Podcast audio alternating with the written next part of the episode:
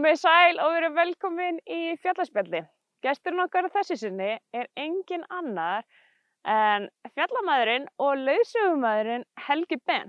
En hann var um áratugaskeið leiðandi í íslenskri fjallamönsku og líka jáfnframt íslenskri ferðamönsku. Það er að segja að bjóða Íslendingum upp á skemmtilegar bæði fjalla og gunguferðir út um allan heim.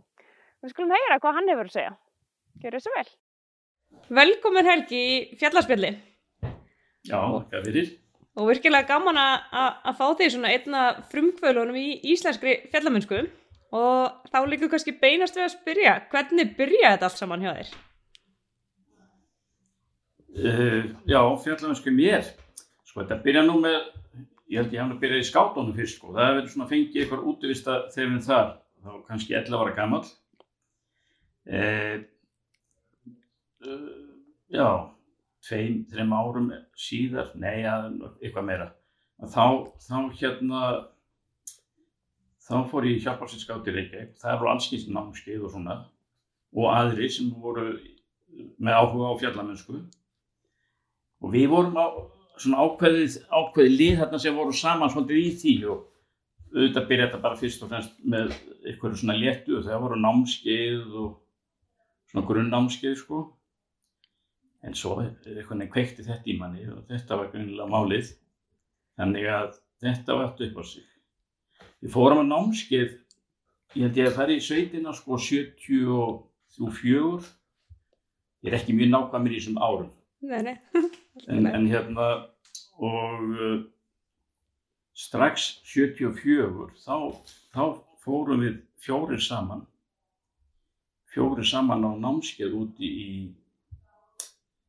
uh, úti í hérna fyrst Östuríki reynda fóru ekki allir á sömu námskeiðin við fórum að þrjú uh, viku námskeið hvert sko og þeir fóru á nám, námskeið Östuríki á öðrum stað en ég. ég, ég fór síðan, ég, ég kom setna inn og komst ekki með þeim og eitthvað svona. En síðan hittust við eftir þetta og fórum til Sviss og fórum þar í þetta er svona námskeið og, og ferði, farið á tinda í leðinni og svona.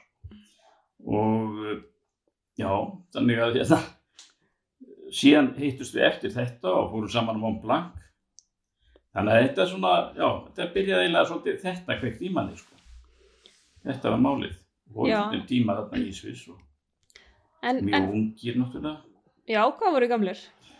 Ég, þetta er 76, ég er bara- ég er 20 sko. Já. En hvernig, en svona fyrir tíma internetsins, hvernig fréttu þessu námskeið? Hvernig komist þið í, í, í tæri við fjallamönskunám á, á erlendu vettfangi? Það við, við skrifuðum bara og ég bara veit ekki alveg hvernig, maður bara fattar eiginlega ekki í dag hvern, hvernig fórum að því. Fundum þessi, þessa aðila sem voru með, með hérna námskeið, þetta verið sko blandað, þú veist, ísklifri og klettaklifri og svo hitt voru svona meiri alpatindar og farið í svona sprungubjörgun og þetta dóttir ég líka með sko. Ég bara, ég er ekki alveg kláð hvernig við fundum þetta, satt að segja. En þessi leiðangur ykkar á Mont Blanc, var það fyrsti íslenski leiðangurinn á fjallið eða hvað? Nei, sko, uh, málið var að þeir fóru, já ég var honum peningar, þeir, þeir fóru eitthvað, ég var honum peningalust að koma að þessu inn í restina Já. það voru engin kreditkort sko, ég bara nei. búið með allavega að vera að koma heim, með sjá puttunum allavega til hérna Luxemburgar, flugi var það, Þetta voru alveg verið svona klífur. meiri, Stærð. meiri bakúðarnir. gangandi um í göngurskónum með bakpoka á puttunum á, á ég fyrir hraðbröðum sko, sem átti náttúrulega ekki sko. þetta var heikarett og, og, og hérna maður er búinn að gleyma þessu sko. Uh, já, þannig að hvernig fór það? Við mann hvort þeir klára þetta en sko máli var að, að Agnar Kofod Hansen held ég hafa ferið fyrst á Mont Blanc, Íslandinga og svo komu Vestmannenga þeir fóru þeir fóru þarna hvort það var samárið árið eftir. Ég held að þeir nefnilega kláruðu ekki að fara á Mont Blanc við mistum að því, þeir fóru en, við fórum reyndar aftur, við fórum 85 þá fórum við á Blanc þannig að já, já, þetta er svona uh, síðan já, en þeir stóðu, það var rétt, já svo þeir stála okkur hins vegar þumlinu sem voru búin að sikta á Já, akkurat. Skatta vel Þannig að- fjöldunum. Já, við fórum þetta hvað árið eftir eða eitthvað svolítið sko. Og já, ég, þetta var svolítið svona samkeppnið þetta, bara skemmtileg sko. Þekktu þess að gæja svolítið og saman námskeiðum og ýmsu svolítið sko. Námskeið sem við vorum síðan að halda, við vorum búin að fara á þetta, þá erum við okkur fullnum að af því ég virtist í, í fjallamennsku og heldum námskeið fyrir björgunarsveitirnar. Hinn á þessu og fórum hans út á land og svolítið sko.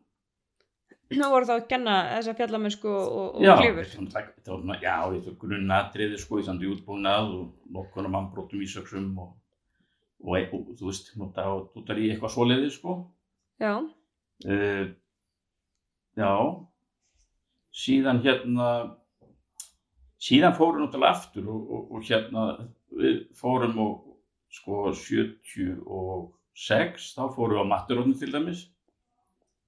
Þannig að við vorum komni bara á þennan spena, við erum að fara hver einust árið til að gera eitthvað í Jörgbánum sko. akkurat. Og uh, já, við vorum raunverulega fyrstir þar upp sko eftir uh, Íslending sem bjó, ég veit þetta ekkert nákvæmlega, þetta heyrðum við á sínum tíma. Það var Íslendingur, hvort það var ekki Einar Guðjónsson sem var læknir í Danmörku og hann hafði farið á maturhóttni sko 1911. Já, það er merkilegt. Já, það er svolítið, þetta, er- það er bara hvað, cirka 40 árum eða svo eftir að, að fyrsti maður Vimper fer þar upp sko. Já, Já, þetta vissi ég ekki. Það er merkilegt. já, já, já, og en ég, síðan, síðan fór ég tvísvar í viðbót á Maturóðni og þetta var hnýmsaferði við, ég fór með þegar við stopnum Alpa-klúbin Já. Sem fljótlega upp úr þessu og dætt strax þegar við kynntust þessum við Alpa-klúbum það núti sko. Þetta væri málið. Þannig að uh, við stopnum hann og uh, var ekki 70, 76, 77 ég er ekkert rosalega góð í að muna nákvæmlega þessi ár. Ekki, ekki, ekki að skipti máli heldur.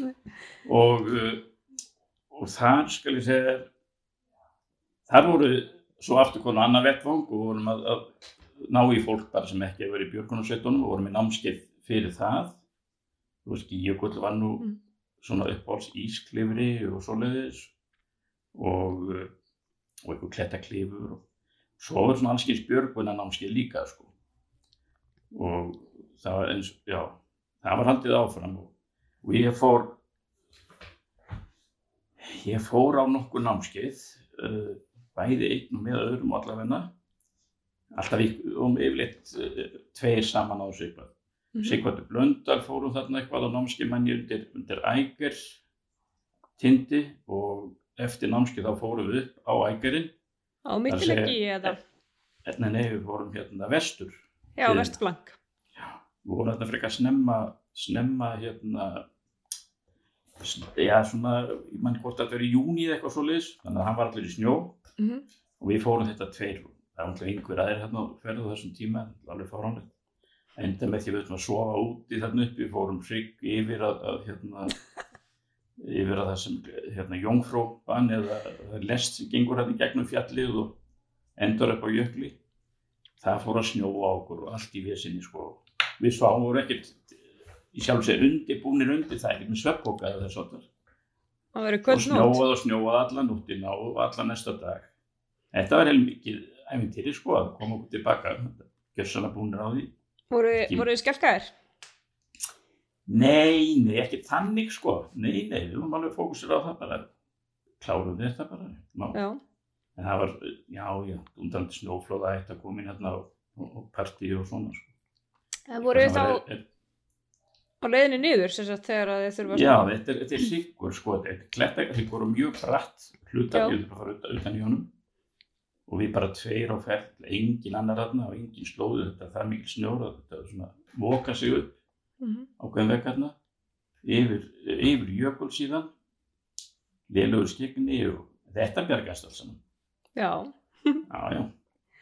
þannig að það verður heilmikil reynsla. Það var það sko.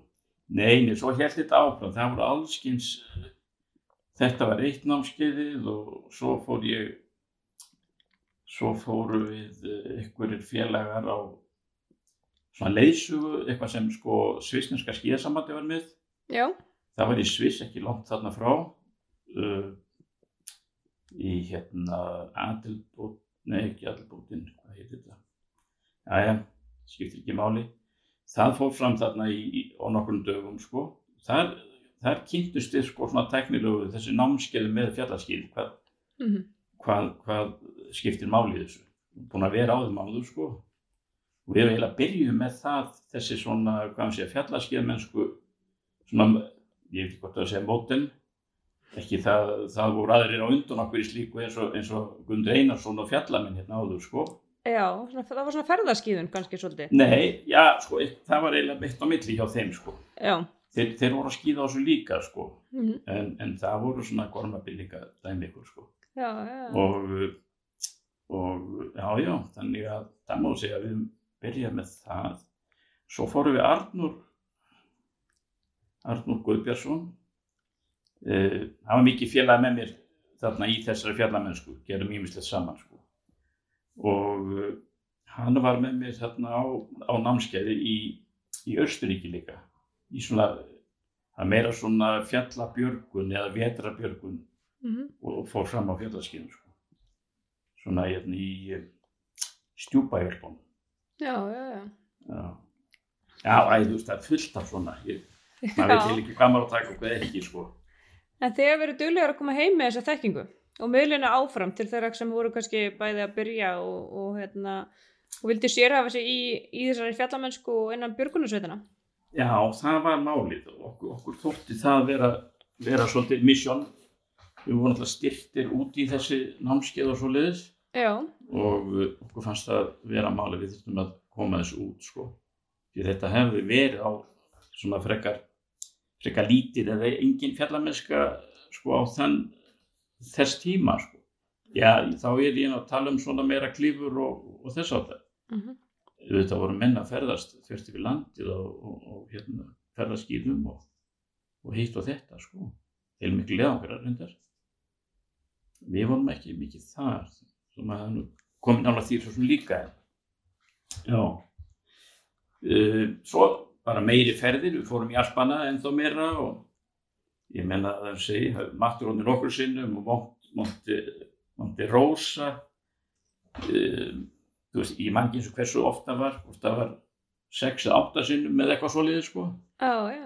og, og við fórum með náttúrulega hérna Alpaklúks ferðir líka, eða ferð uh, til mikla og, og allavega, já já Og hvert fóruð þið í þeirri ferð? stuttum, stuttum máli sem þeir eru að fara yfir allt saman sko. Já, já, eðlilega. En hvert fóruð þið í, í svona alpaklúpsferð? Þegar nú er svolítið langt síðan að það hefur, alpaklúpinu hefur staðið fyrir svona ferð. já, hann hefur eiginlega ekkert staða því nema bara svona einhverju vinn og kunningjar eiginlega eftir þetta sko Já, og þetta, já þannig að hérna þangað út sko þetta voru bara meira við, þetta var eiginlega sama, sama grúpa svolítið sko, klifra hér og þar og sjamoní mikið og svoleið sko. Uh, já, svo náttúrulega leiðangur sko, Já, við erum eiginlega komin að því þarna 79 á, á uh, þá hétta Mount McKinley já, já, það er náttúrulega hefur alltaf heitið Denali reynda sko, síðan hefur Já. það orðið það, það nafn sem er notað, það er Denali. Eða, hið stóra. Hæsta fjall Norður Ameríku. Já, og við vorum það 79, við, við vorum fjóri saman í því, flugum upp á jökul og heilmikið eventyr og fórum á fjallaskýðum, Já, það er annarkvort fjallaskýði eða eða vera þrúum sko, fyrir utan náttúrulega bröttu kaplana, það sem að vera á brotum og svo leiðis, efsta, efsta partinn. Uh, það enda með því að Arnór, það var Arnór Sigvartur Blöndal og uh, Argrími Blöndal.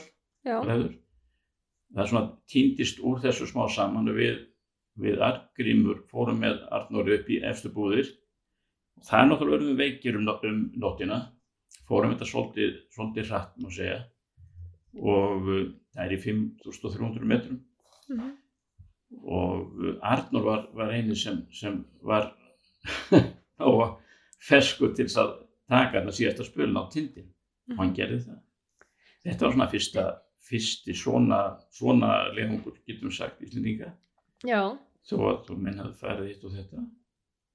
Og uh, já. Þannig að þar voru komnið með þetta og fjallaskín þau festu sér þarna ennþá betur í sessi. Þetta er fyrsta skipti sko við notum fjall hérna eða í svona leðungur sko plasko. Já, einmitt. Þetta voru nefnilega þetta er svona blanda af fjallaskóm þannig að breysa út í dag og, og, og fjallaskíðaskóm sko. nema þetta er náttúrulega þetta er nú ekki gott að skíða á þessu í dag reyndar Nei, en Já. án efa mikil framför á þeim tíma. já, ég það var það sko það var Reinald Messner sem hannaði þetta og fór á, fór á Everest Já, ég held að það verið 78 þegar hann fór aðlit sko held ég sé að fara rétt með þetta minni það já. og sóla á Everestin uh, já En hvernig, Denali á þessum tíma, 1979, hvernig er stemningin á fjallinu? Voru margi leiðangrar? Hvernig var að komast inn? Sko við vorum búin að panta þetta allt saman fyrir og það, það var ekkert net sko heldur Já, komið. Þetta er allt skriflegt og eitthvað og, og jú, ég veit mann ekki hvort faxið var nú eitthvað að byrja eða eitthvað svolítið sko. Uh, við við bara sömdum við gæði sem er með flugferðir upp á jökul uh, á skíðuvél sko. Ruck Hudson held ég hann hafi heitið. Hann var, var svona frægur þekktur þekktur svona, hvað hann segja þetta eru ansi mikla hitur sem kallar og það var þannig í þessar litlar, mann hvort þetta var sesna eða, eða eitthvað svoleiðis. útbúin að vera settur aftur ný og svo strappi yfir. Og svo festum við okkur í strappan sem var festur yfir útbúnaðin sko. það var engin sæti hann aftur í. Og svo var flóið hérna inn á þessa hríkalegu tind og inn á þessa jökla og lent, lent á skýðum upp á jöklinum sko. hitin var sko ekki hvort það var 35 gráður hérna niður í hins vegar. Á sem, að stað og sundur bitnir af moskítoflugum Já, af vestugjörð þannig að, já, sem var ekki gott að fara að bera hérna byrjaðar og svoleiðis með það að við letum hvað hafa þetta alls saman. Þetta var sko ég veit ekki hvernig við fréttum að þessu öllu. Ég, ég man það ekkert sko. Nei. þetta var náttúrulega, þú veist, það var svo sem verið að gefa út einhver fjallablöð og hitt og þetta sko. Þar voru einhver adressur þannig að við gáttum nú skrifað og eitthvað svona. Þetta hafa bara fyrirvar á þessu. Já. Já, já, þannig að En- já, eftir þetta jú, ég veit að fullt af, fullt af klifri hérna heima og það var farið, þú veist já, já það var þumall inn og, og, og svo hraundranga hraundranga fóru þarna áður enda 70 og 76 eða 7 ég man ekki hvað það var Mm. þá hafði ekki verið farið á hann sko í í 20 ár frá því að fyrstu menn fóru upp á hraundranga Já, já, akkurat. Tókum einn akureyring með okkur og við vorum þrýr hann átti nú reyndar hugmyndin var nú bara að hann myndi skuttla okkur frá akureyri á fjalli svo ætlum við Pétur Áspís svo ætlum við á fjalla fjalli en hann enda með því hann fór með okkur bara Já, Upp. já, og allt í lagi með það. Já, ég, bara fínt. Mm. og e, já, þetta er nú eitt skilröð. Ég menna það er fullt af alls skinn svona Ég- best er að muna þetta sko. Já, en það er, hérna, en það gerði þið svo margt og svo mikil svona, þegar maður er að lesa blöðun tilbaka, þá finnum maður svona hvað þetta er mikið frumkvöla starf og mikið svona, ef maður má stetta svona exploration, það er verið að að kanna og frumfara og leita leiðum og, og, og fara á nýja staði. já, þetta, það var það sko. við áttum þetta það var, það, við vorum ekki það er svona myndað svolítið setna sko. þá voru aðri komnir í þetta hérna í, í Kópavogi og hér og það sko. Og uh, það má segja að það er svona, svona kannski tíu árum tíu árum setna en við vorum með þetta, má segja sko. Já, svona þegar almennt fór á stað og það er náttúrulega við stofn Arpa-klubsins, það er náttúrulega uh, start þessu. Og uh, ég held að það var 79 þegar fórum til dæmis uh, er sko ég maður ekki minna það, ég átti stærri þyrst að vera með allt til þess að minna mig á þetta.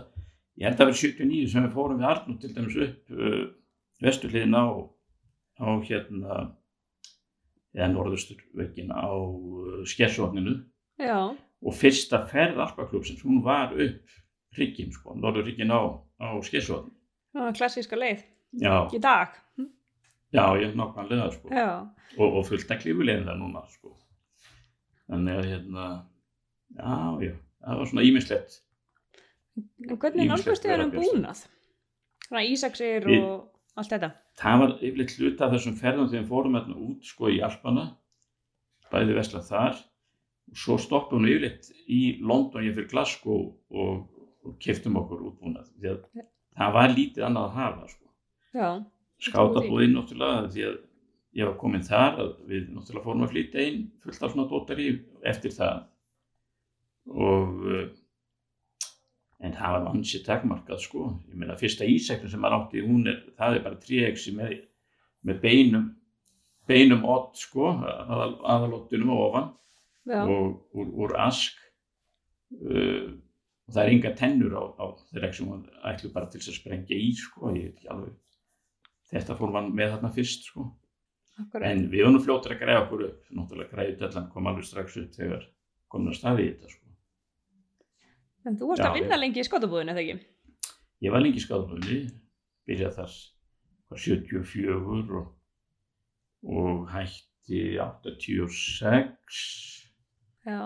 já Hvernig var þessi skátabúða stemning sem maður hefur svo oft heyrt talað um að menn voru að koma að hittast og, og allt þetta? Já, já, það var hluti af þessu sko, það var mikið verið að koma og spjalla og, og, hérna, svolítið frétta, frétta miðstöð, þannig að það séð sko. Já. og uh, já, já, það kom, það svona kom meira setna mér sko, kannski ekki svo mikið enn í byrjun en þetta kom, kom þarna, já, já, kringum 8-10 og svona, það var mikið að skýja sko. Og uh, það var bara gaman sko, það var við höfum náttúrulega komið skýði líka og svona og fjallaskýðin og allt þetta þannig að við höfum alltaf að að koma með eitthvað nýtt og nýtt í þessu svona til þess að og plaskotnýr og þetta, þetta svaka byltingu kent maður stað þessu sko Já. Hvað var svona mesta breytingi fyrir þig í búnaðinum? sko það var náttúrulega við byrjum allir í bómulla ramar Já. til dæmis þannig að þegar Góritexi kom sem var reyndir ansi lélegt og það hélt bara engu það átti að vera varselt og allt það auðvitað en svolítið svoleiðis í dag ennþá en þó, þau hefur nú lagast alveg helling. Einhvern hljótt úr sér reyndar en uh, já, ég þannig að við vorum allir komin í svoleiðis. Þó að ég held ekki alveg að þá var þetta betra því leiti að þetta þotnaði fljótt sko. Mhm. svo var við blotnum í því. Þannig að hérna, það er eitt. Svo plastskotnir var, var bara svolítið atriði líka sko uh, þá hætti mann að vera kast á, á, á löpunum og miklu betra eiga við með mannbrotta og allt þetta sko. Já, Já. Og örgulega henda vel í íslenskar aðstæður þar sem er svona sveiflugjönd viður. já, það var það sko. Og ágætlega líka þessir fyrstu skór sem voru svona fjallaskíðaskór sko.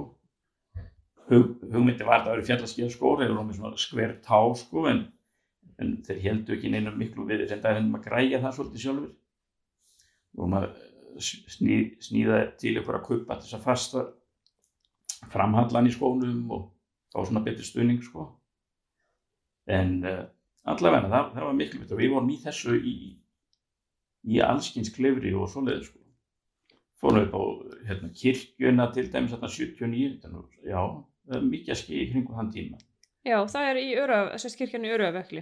já, við kallum það kirkjuna það, þetta, Já. heit- að kalla þetta allir kannski rétt að kalla það Tindaborg í dag Já, já. og og hérna já, og þá fórum við á fjallarskýðum sem sagt upp að og notum snjóhús og svolítið, við gerum það mikið sko. Svona eitthvað beis, þá var það alltaf snjóhús. Það við áttum ákveðin stað þarna í Svínaðursjökla sem var alltaf til svolítið góðar aðstöð til þess að búa til snjóhús. Sko. Já, voru þá ekki að bera tjöld?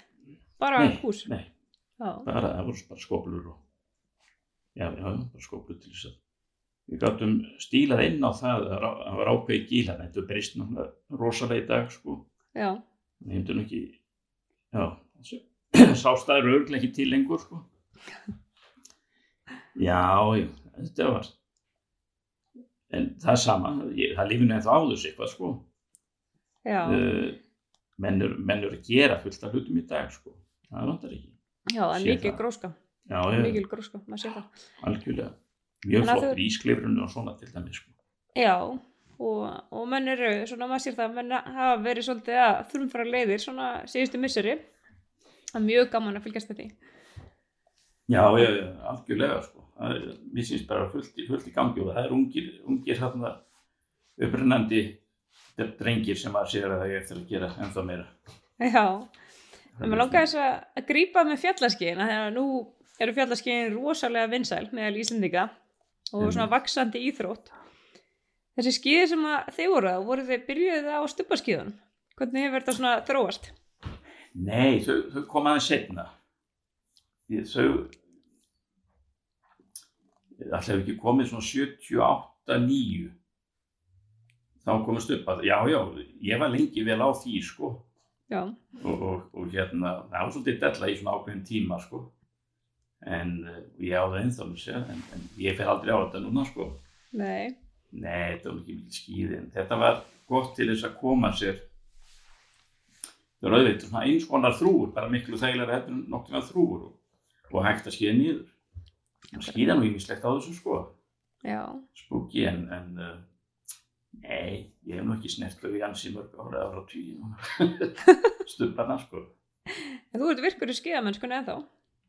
Já, já, já, já, ég fer mikið á skýði og, og fjallarskýði, það er helst það Já, það er helst það sem heldur í manni. Ég, mér finnst ég alltaf þurfa að fara á hvernig leiðir á hverju ári sko. Já, Hvert að orðinn fara? hund gamall, nei ég segi nú svo. Og, og, og, og hérna já ég ég, ég er alveg, ég er á kikkinu núna eftir réttum aðstæðum í hitt og þetta sko.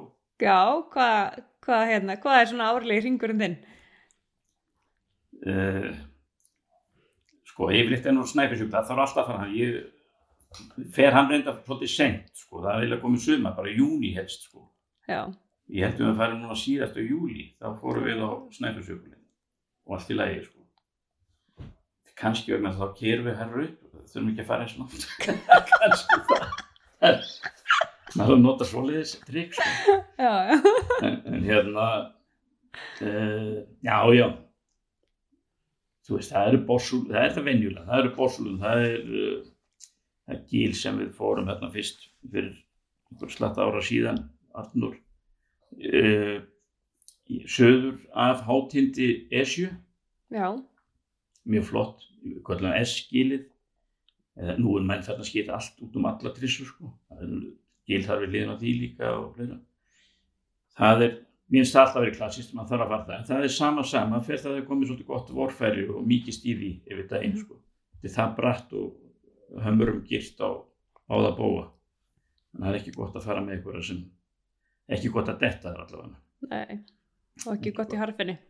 Nei, það væri, þetta er hættulegt, sko. Mm En við fínar aðstöð, það var ekkert að því, sko.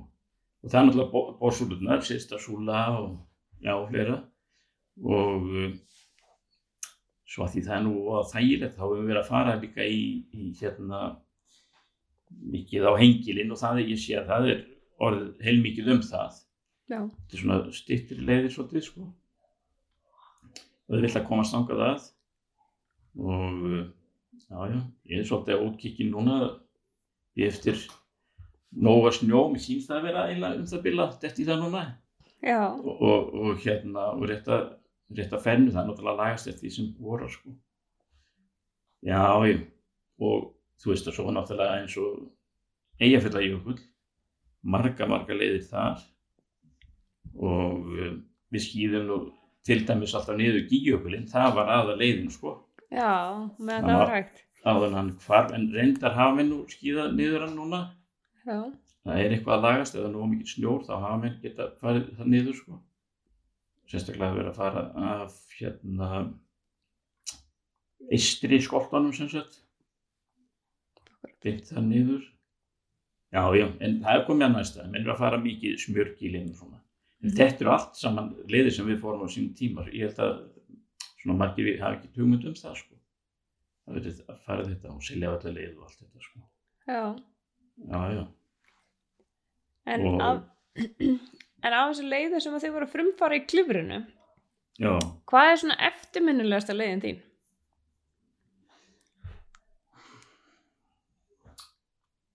sko eftirminnilegt er náttúrulega það plata mér nú svolítið, það er svona umfjöllun og allavega hennar sko það er nú já það er bæði, þau fórum á þumalinn sko en, en ég, við við hérna við frumfórum það ekki, var það? Eða gerum við það, ég, ég maður ekki hvort að við vorum ekki einhverju keppni þarna við vestmanningan, ég man ekki hvort þeir fóru undan eða, eða við, því þeir náðu ykkur kó. ég nú ekki betur en þetta. Og, og hérna nei, svo er það eins og söður það eru marga leiðir sko á, á hérna hrútelstindum já, og við fórum með Doug Scott þar ymmit. heilmikla hvena var það? 85 minnum mig. Já, og uh, já, eftir það við fórum ímsaðar leiðir sem, sem menn hafa ekki verið endur taka sér Arnur og voru nansi sprækir hérna vorum að fara hitt og þetta. Það er, það er brött leið sko það farir meira að minna þarna upp söðugilið í sunnan í hrútverstindum mm sunnan í söðutindinum svo yfir öxl og, og hérna austur fyrir. Það er svolítið brattur ísveggur upp í skarð á milli söðutins og miðtins ég veit ekki hvort að er ykkur farið eftir að við fórum þetta sko. sem dæmi, það er ímyndilegt svona en við vorum ekki síður, við vorum yfirleitt bara með skíði og skíðum niður. Og við skíðum fyrstir niður þarna líka hérna uh, hrút hérna hvað hann segja, söður, söður jökulinn eða söður af uh, þarna á milli söðurtins og og mennum hvað er kvöldin það þarna? Það var vesturtindur sko. Já, bratti jökullin sem fyrir byrnir á sínusjökul já, já, þarna Akkurat. við fórum, fórum hann og það hafa einhverju tveir aðrir útlendingahópar farið það síðan veit ég það er svolítið spúki, þetta var svona skýri, skýristu en, en klifulegðum svo er það líka, já þegar fórum á, á, á hérna á uh, já, kirkjun eins og ég sagði en, en heitir núna Tindaborg, eða heitir hann ekki, vandarlega heitir það löngu áður en en fór að kalla þetta kirkjuna reyndar sko. Og uh, svo fór ég líka upp menn eru farnir að fara leiðir þar núna, mjög flotta leiðir. Upp skal ég segja þér uh, norður eða norðvestur hlýðina af af hérna á Kvandarsnúk já, þessi hrun er er mikið, er mikið hérna veggur þar og getur orðið hrun þar þegar fyrir að líða voru sérstaklega. Mm ég fór það eitt sko. Já, sóló, já, Arnur allaði með mér. Hann, hann kiknaði nján komið á stað þannig að ég það var rosalega fínar aðstöð það var alveg hreint sko allt sólit og, og kvæt og engi vindur og allt, allt gattfrið og fínt sko. Þannig að ég held bara áfram fór upp það það var ekki tæknilega erfitt þetta er meira svona það að, að, að hafa hugur ekki það þess að þetta er undir undir hérna heilmiklum ísvegg og, og er að hrynja úr þessu. Og það er stór veggur fyrir neðan sko sem endar í, í stóri, stóri sprungu. Já, já, það er eitt sko en nú, nú hafa stutt síðan þeir voru að klifra þarna rétt hjá bæði uh, já strákar þarna einmitt úr úr, úr hérna já, þannig að þetta er nú svona alltaf aukast. Já við vorum að týna til hitt og þetta alls ekki svona leiðir sko. Það er, það er annar sko talandi um svona eitthvað þegar ég veit að það er ekki sem vita að þessu kannski að við fórum líka niður jökulinn sem er sem er hvað að segja vestan við eða af vestur af vestur hérna hrú, vestari hrútfjörnstindunum Nú, og það er jökull þar sem það var eitthvað nefnar, ég man ekki við Arnur fórum það ekkert tíma líka, já en það er Já. ekki gíli neðst það var nú öruglega ekki oft verið leikið eftir. ha, Það var nú öruglega ekki oft verið leikið eftir. Nei, ég, ég hef ekki teilt af því nefnilega, menn hafa verið að fara það. En þetta er nú samt auðveldar, þetta er nokkuð straight forward leið, sko, það er ekkert stór mál. Já. Ef, ef maður fer rétt með tíma og snur og allt svo leið, sko. Eh, hann enda niður á, hérna, eh, svínæfnsjöklunum líka, sko. Mhm.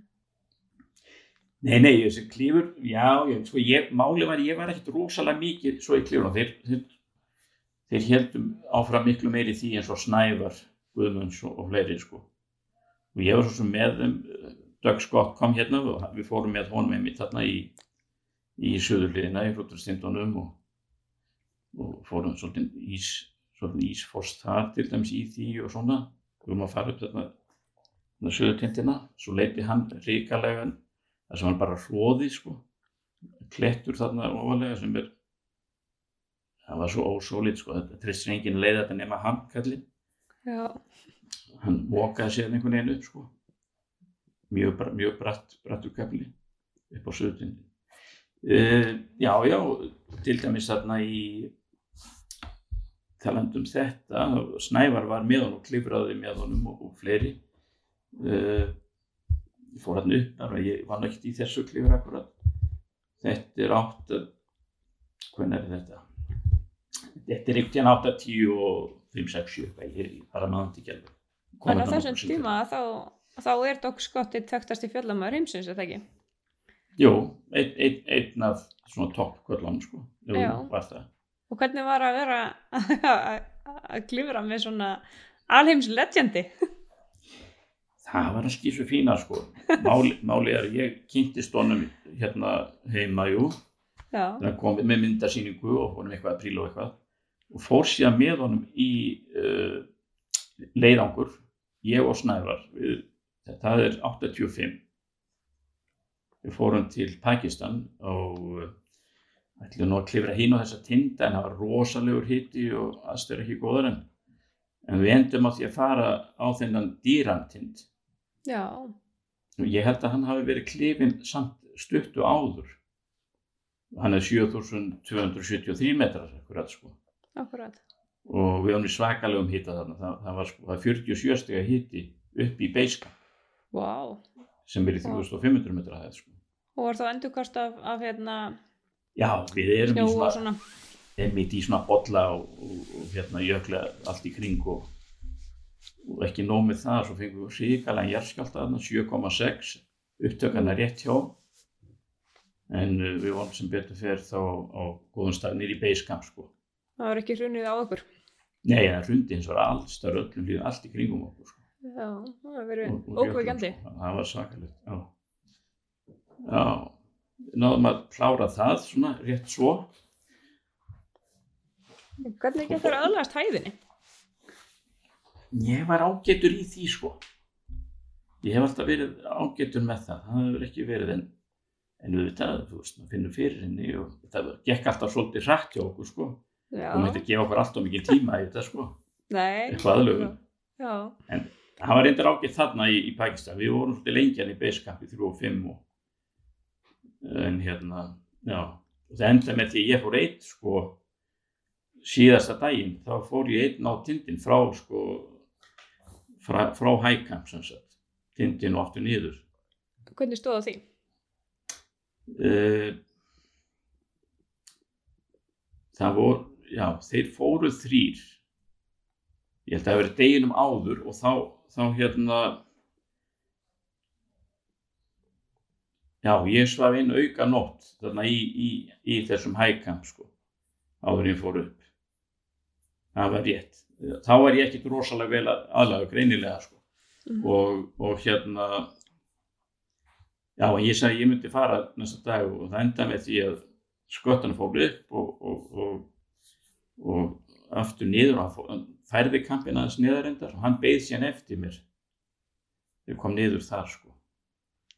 Ég gerði það nú kallið sko. Já. já, já, já. Þetta var já, þetta var svona æfintýri allt saman auðvitað. Já, og þetta var, þetta var hægsta fjall sko, að um, já. Já, tefla 7300 metrar eða hvað það nú er. Og þetta, þetta stóð, þetta var nú hæða mitt í tíu ár sko, Já, akkurat. eitthvað þetta sko þetta var alltaf reyldast við svona. eitthvað först Já, það var, það var svolítið djóki sko, já, först þetta og först hitt sko Æ, við erum svona, já, já, við erum svona einhver ákveðin drifkraftur í því. já, já, þetta var það sko En fórstu í einhver fleiri leiðangra? Uh, nei, ek, nei, ekki beint þannig sko.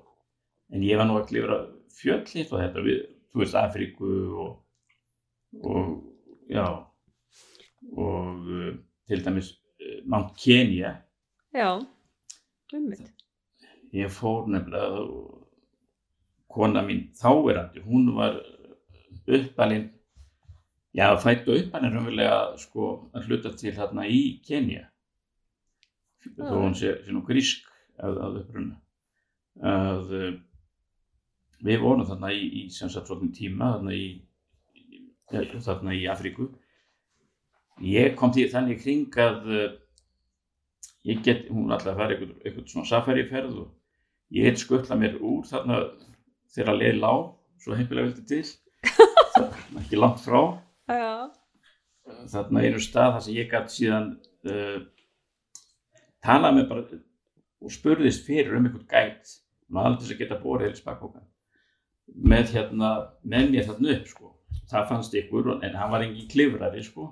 Mm og hann fór með mér þarna upp í já já. Við fórum fyrst þarna á, á svona túristöfnin sem bara gengið á pointlinana -hmm. og síðan var gist aftur í þeim að skáli þar uppi sem ég, í hvað ástandi núna, hann var ekki hvað ástandi þá allavega og fa fann þarna félag á leiðinu upp uh, tekneskur, Já, glerið innaðar maður mann ég.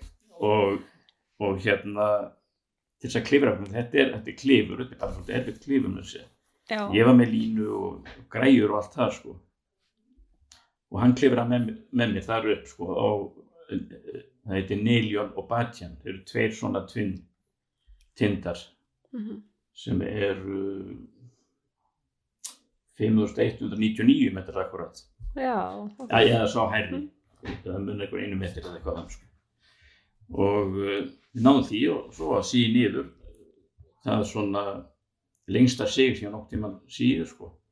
það var rosalegt það öll Afríka þegar maður hallaði sig aftur og yfir, yfir klettina eða, eða stóran klettavegg þá gæti maður séð alla Afríku í gegnum klofi af sér. Og, Já, já. og hérna já já, neini við, við náðum því alveg. Já já, það er svona. Og nokkur sinni fór ég á Kilimanjaro líka og uh, já. Já, fyrsta skipti fór, fór ég nú bara eitt sko, nema með svona burðakall og svipað.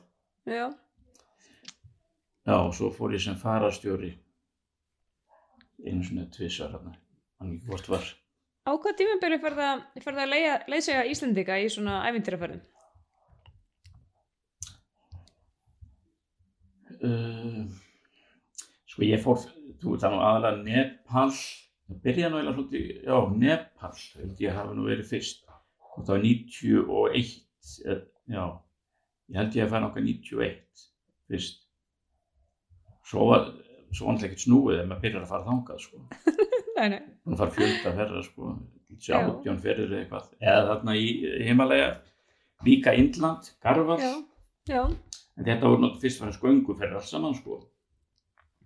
Og uh, já. Og uh, ýmsar, leið, ýmsar leiðir þarna í Nepal er mitt sko.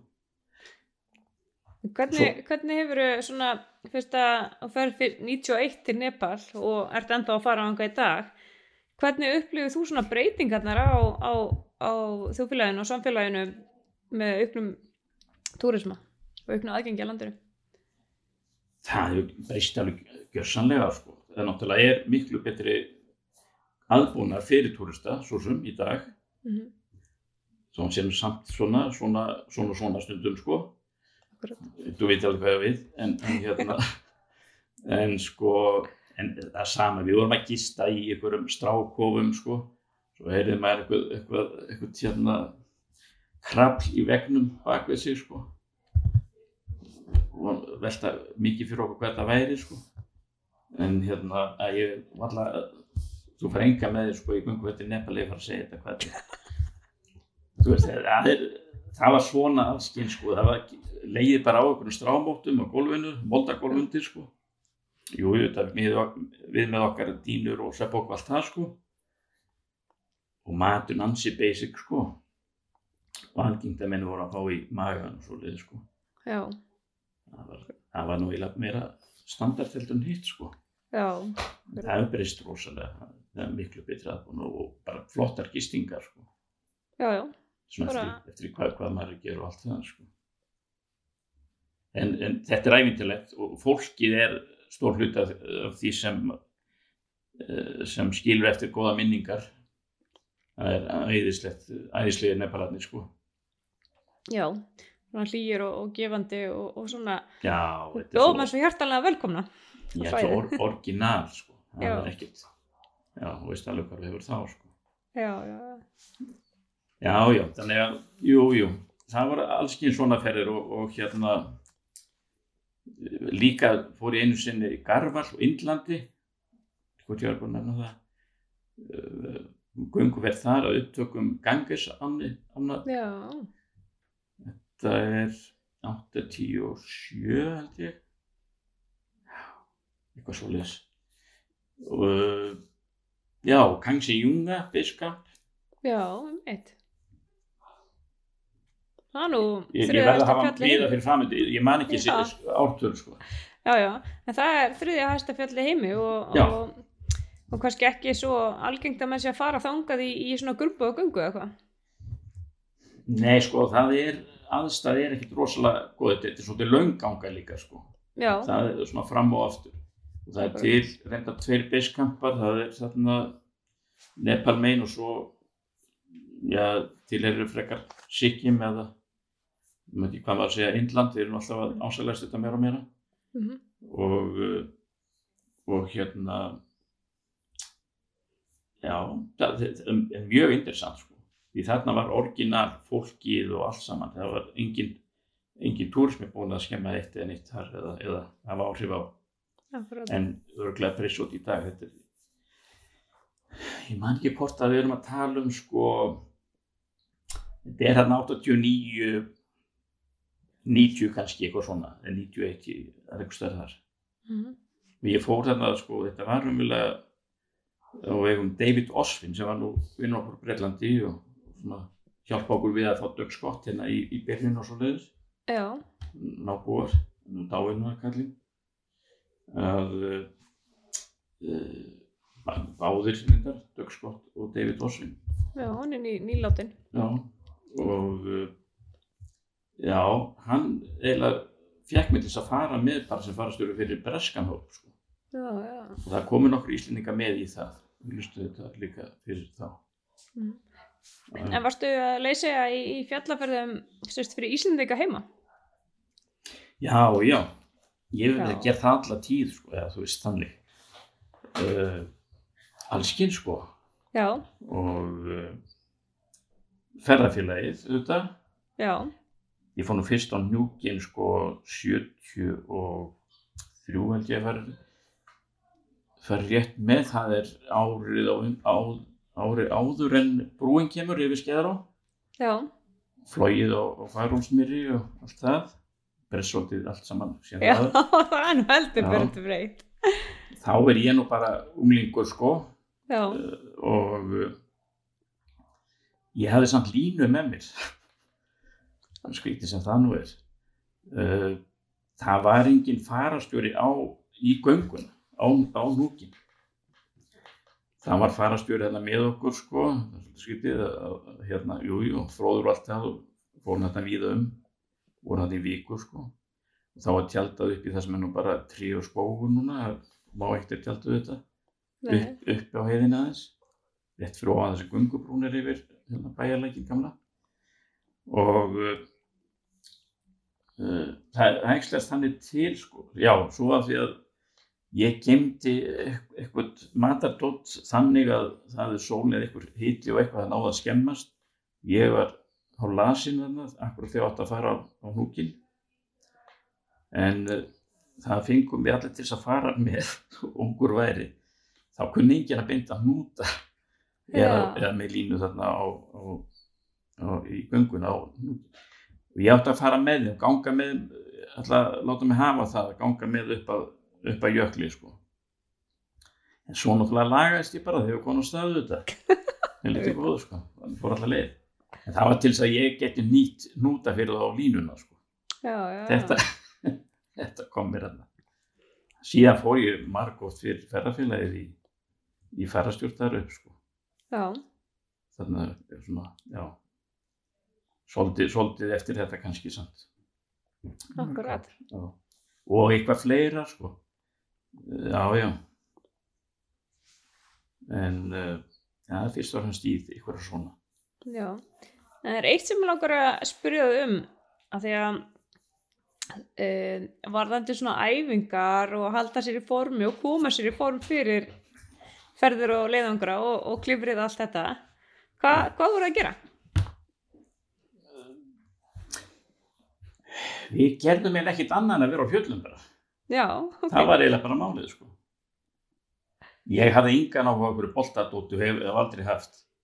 Mhm. Sem dæmi, sko. Eða, jú, jú, menn vorum að hlaupa, jú, við vorum eitthvað í því líka, sko. Með eitthvað prógram varum að fara eitthvað, sko.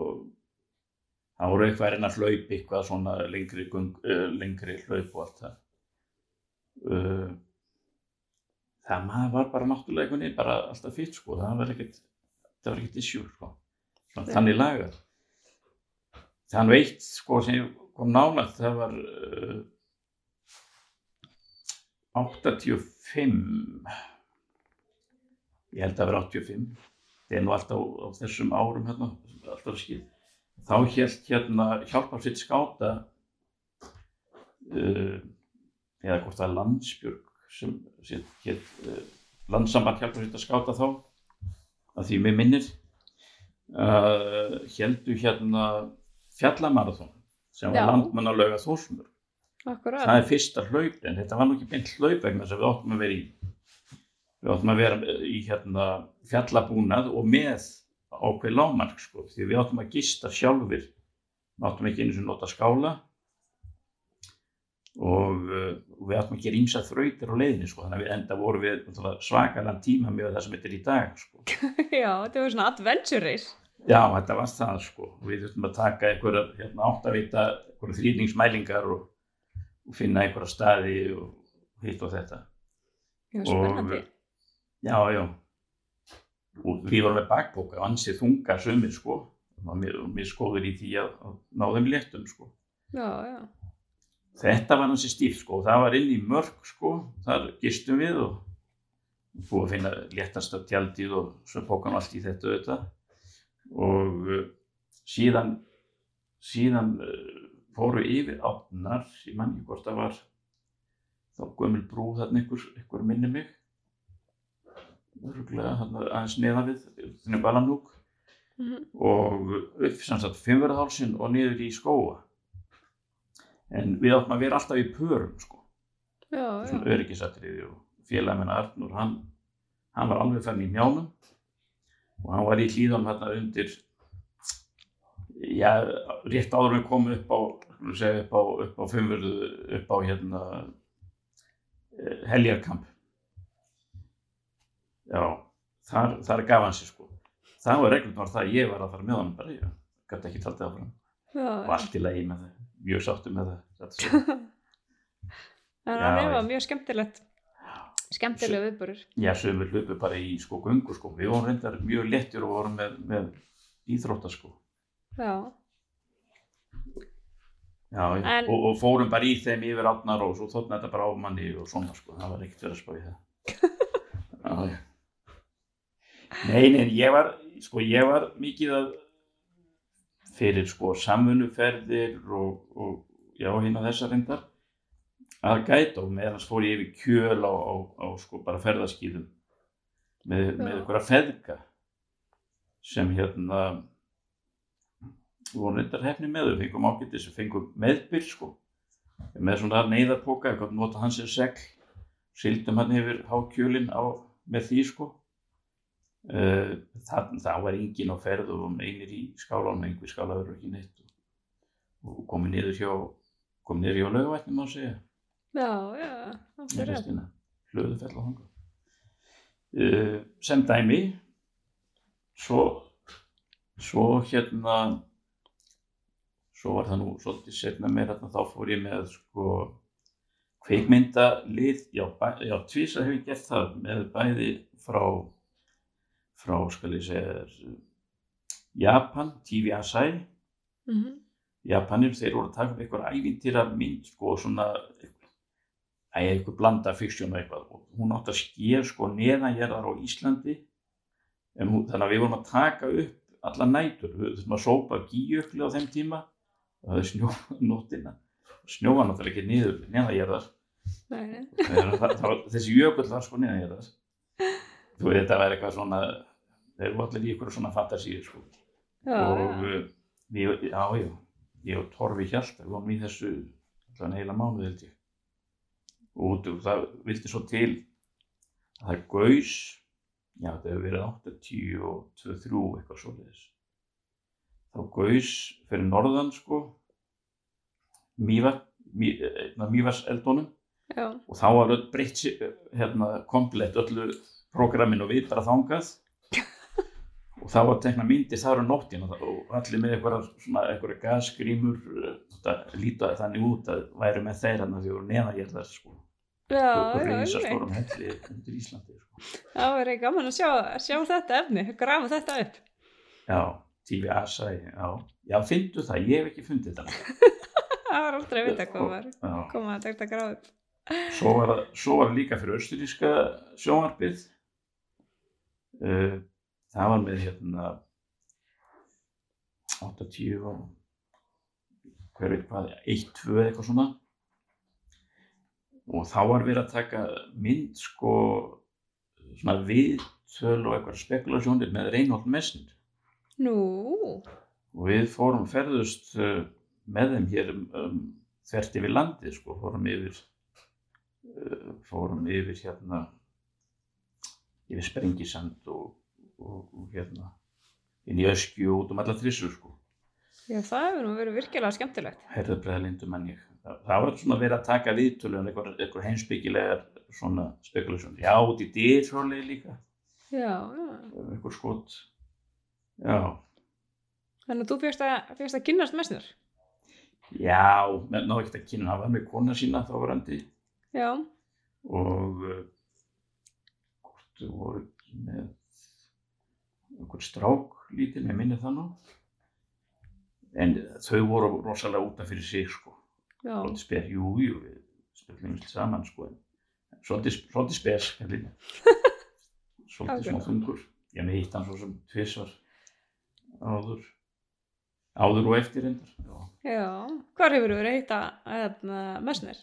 í Östuríki og, og já, og Ítalíu, hann er með hann er með samt svona, ég held að negin voru 2-3 svoleið sko í einhverjum gömlum köstulum, mm svona fjallasöfn, þar sem hann safnar öllu við kemur bæði menningu fjallabúa, sko Nepal á Tíbeta og svoleiðis og með myndir líka sem hafa verið svona fjallamennsku máluð, rosaflott málverkvindar.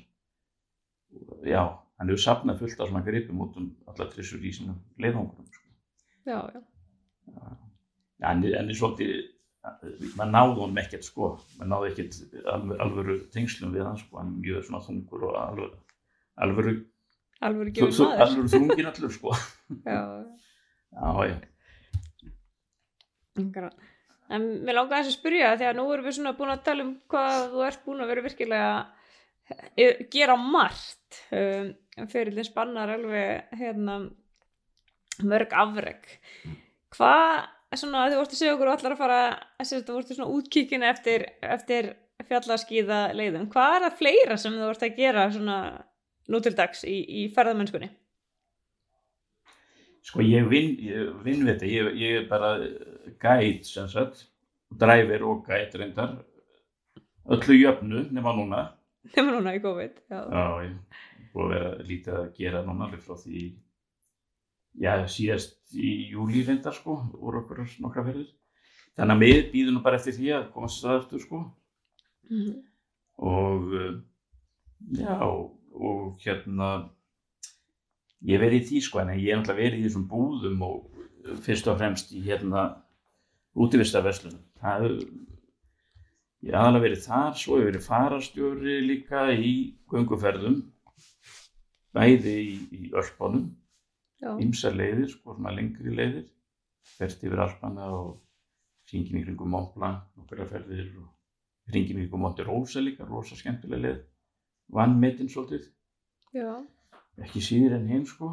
Og, og þverti yfir Alpana frá Þískalandi og, og komið niður í komið niður á Ítalju rétt hjá emitt einu var Karstölanmanns uh, Messnes þar Það er svolítið langu túr, það ekki? Þetta eru viku túra sko ja, viku tökum við shortcut yfir heil nú eitt dalur hérna langur þetta er lengst túr hérna í spónum við tökum nú börs sko. Við erum ekki að ganga eftir öllum dalnum sko. Nei, okay. en sem að, já, já, ég er um þetta svolítið næs. Já. en uh,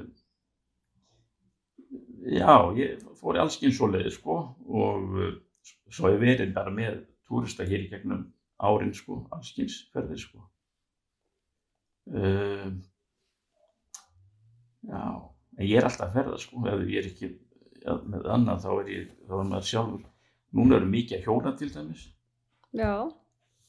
Við getum okkur svona rafhjól núna í COVID-inu þess að halda sér gangandi sko.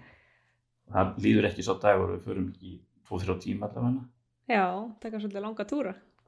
Já, sko á þessum hjólum ferður miklu lengra og, og verður ekkert mál sko. Já. Hjálpar mikið til. Já, já. Og, en sko ég auðvitað verið að vinna ímislegt ég var í verkamann að vinna ykkur tíma sko, þú veist, fyndinni og svo fyrir utan uh, þessa búði ég á Veslandsfjörðu og Selgen ægi líka og skátabúðinu svo út í líf. Uh, Sportís vörustjóri þar við vorum byrjað með Sintamani á sín tíma. Akkurát Já, já, öruglega búin að glemja ykkur en þú veist, það er samt í þessum heimi sko. Já, já, ég hef einmitt alltaf álítið því sem svona búðar, hérna, hérna búnaðar sérfræðing Íslands. Já, nefnir svona búnaðar sérfræðing Íslands. Vegna þess að hérna, það er alveg sama koma hann að vanta upplýsingar um eða, eða eitthvað svolítið að, að þú hefur alltaf haft svörin á reyðum höndum. Já, já. Já, já, sko, þetta fylgir að því það fylgdi þessum að það var að fara alltaf á síningar og, og hérna fylgjast með sko nýjastu hvað er að skilja og svona mm. Já, já Já, já, þannig að það er svona við að koma við í þessu. Já, en þú mættir vel eitthvað eitt sem stendur upp, á, á, hérna, stendur upp úr á ferlinu, hvað verður það? Right. Ég veit nú ekki hvað skal segja. Hva, hvað eitt, sko, meinar þú þá hvað mann hefur verið að gera í fjörlum? Já, bara... Þetta, þetta... Já, já, bara hvað er eftirminnulegast fyrir þig af því sem að þú hefur verið að gera? Hvað sem stendur upp úr þér persónulega?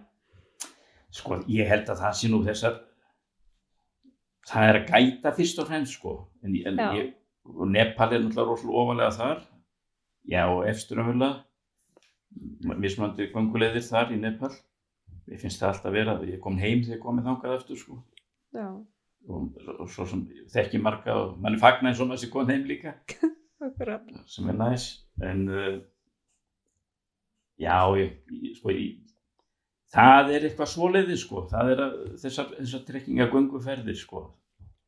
ég korsin það þar eða, eða annar staðar sko. mm. en einn svona hérna, loka spurningin hjá okkur við vorum virkilega gaman að fá að hérna, fara eins yfir þetta með þér en loka spurningin er Hvað ráð gefur þeim sem að vilja reyma á sig skóna og, og hefjast handa? Eða einhvern svona draum, langar til að gera eitthvað? Já sko, það má ekki ofætla sér eins og við vorum kannski svolítið, við vorum svolítið þar sko, við ætlum að taka allan heiminn bara þarna strax og valla hérna, valla að fara að vaksa skegg á manni þá sko. en uh, það er að taka þessu rólu, þetta, þetta þarf að vera þróun í þessu, maður byrjar í gönguferðum og útivist og svoleiðu sko. Og það er náttúrulega eins og ferðarfélagi eða það er ferðarklubbar, alltaf góð, góður. Það er, sko, þetta er mjög mikilvægt fyrir mjög marga. Ég er ekkit endilega sjálfur þegar maður er alltaf verið í svolítið með ykkur á hópa en, en ef ég fer sjálfur í það þá vil ég helst fara prívat eða bara með konu eða eitthvað svolítið eða, eða kunningja. En uh, það er að fara í ykkur svona félagskap og, og hérna prófa sér áfram. Svo bara spinnst þetta út ef, ef viltekst til. Akkurat. Fer með einhverjum svona sem það sem eru góðir reyndir farastjórar og, og menn geta lært svolítið af. Hver veit kveiknar í kveiknar vel í þeim svona eins og gerir hjá mér síðan tíma. Ég var rosa mikið með ferðarfélaginu sko alls ekki mann eins og við fórum að hátind esju. Ég var sko ég veit ekki hvort ég var 17-18 ára ég veit ekki hvað það var. Uh, Tómas Einarsson var, var, var, var framkvæmdastjórið þar. Og fór ég með sagt, svona sem einhver aðstof farastöru með línu og fleiga og eitthvað þess að setja í þetta sko eitthvað handlínu upp klettana þegar maður fer svona, já það er svolítið brött gönguleg þar upp sko já. fram hrygginn sko. En það var alltaf tók því samt að vera að setja inn eða freka bara að, að leiða menn fara rétt að leið sko. En þetta er svolítið bara þú veist, já það er svona ég var rosa mikið og svo var ég alltaf við hérna einhverja gamla kalla sem gingu alveg eins og fjandinn sko. Það var alltaf einhver keppni í gangi þetta var maður að vera það og uh, þetta, það var bara góðu skóli sko. Uh, já, ég svo er bara svo margt orðið í, í bóði í dag sko. Það er eins og, þú segja, það er gunguferðir erlendis hér og þar. Og en fyrir mig í dag sko það er bara, bara að vera einhver starf út í náttúrni það er nú eiginlega aðal, aðalatriði sko. Já. það er ekki ég er ekki lengur þar að setja einhver, rekord fyrstur þetta og eitthvað svona. Það er því en maður fylgist með. Já, akkurat. Já. Það er bara að koma sér á stað. Kaupa sér góða skó og hlýðarfatna og svona basic. Eða fá það lána kannski í byrjun. Og prófa. Rætt. og eitthvað það sem er farið rétt í lutin ekki vera með eitthvað gassagang lappa rólega en allir geti geti hérna notið sín og svo leiði sko. Akkurat, það er flott. Ja. Við látum, látum þetta vera loka orðin í fjallarspallinu hjá okkur dag. Og hjartans takki fyrir komuna og, og, og deila þessu skemmtilegu sögum með okkur. Það er bara minnsta mál, þakka þér fyrir. Við þakkum Helga fyrir spjallið að þessu sinni. Og virkilega gaman að fá að heyra allar þessu skemmtilegu leiðungus og fjallasögur og við sjáumst í næsta fjallarspjalli. Verið í sæl.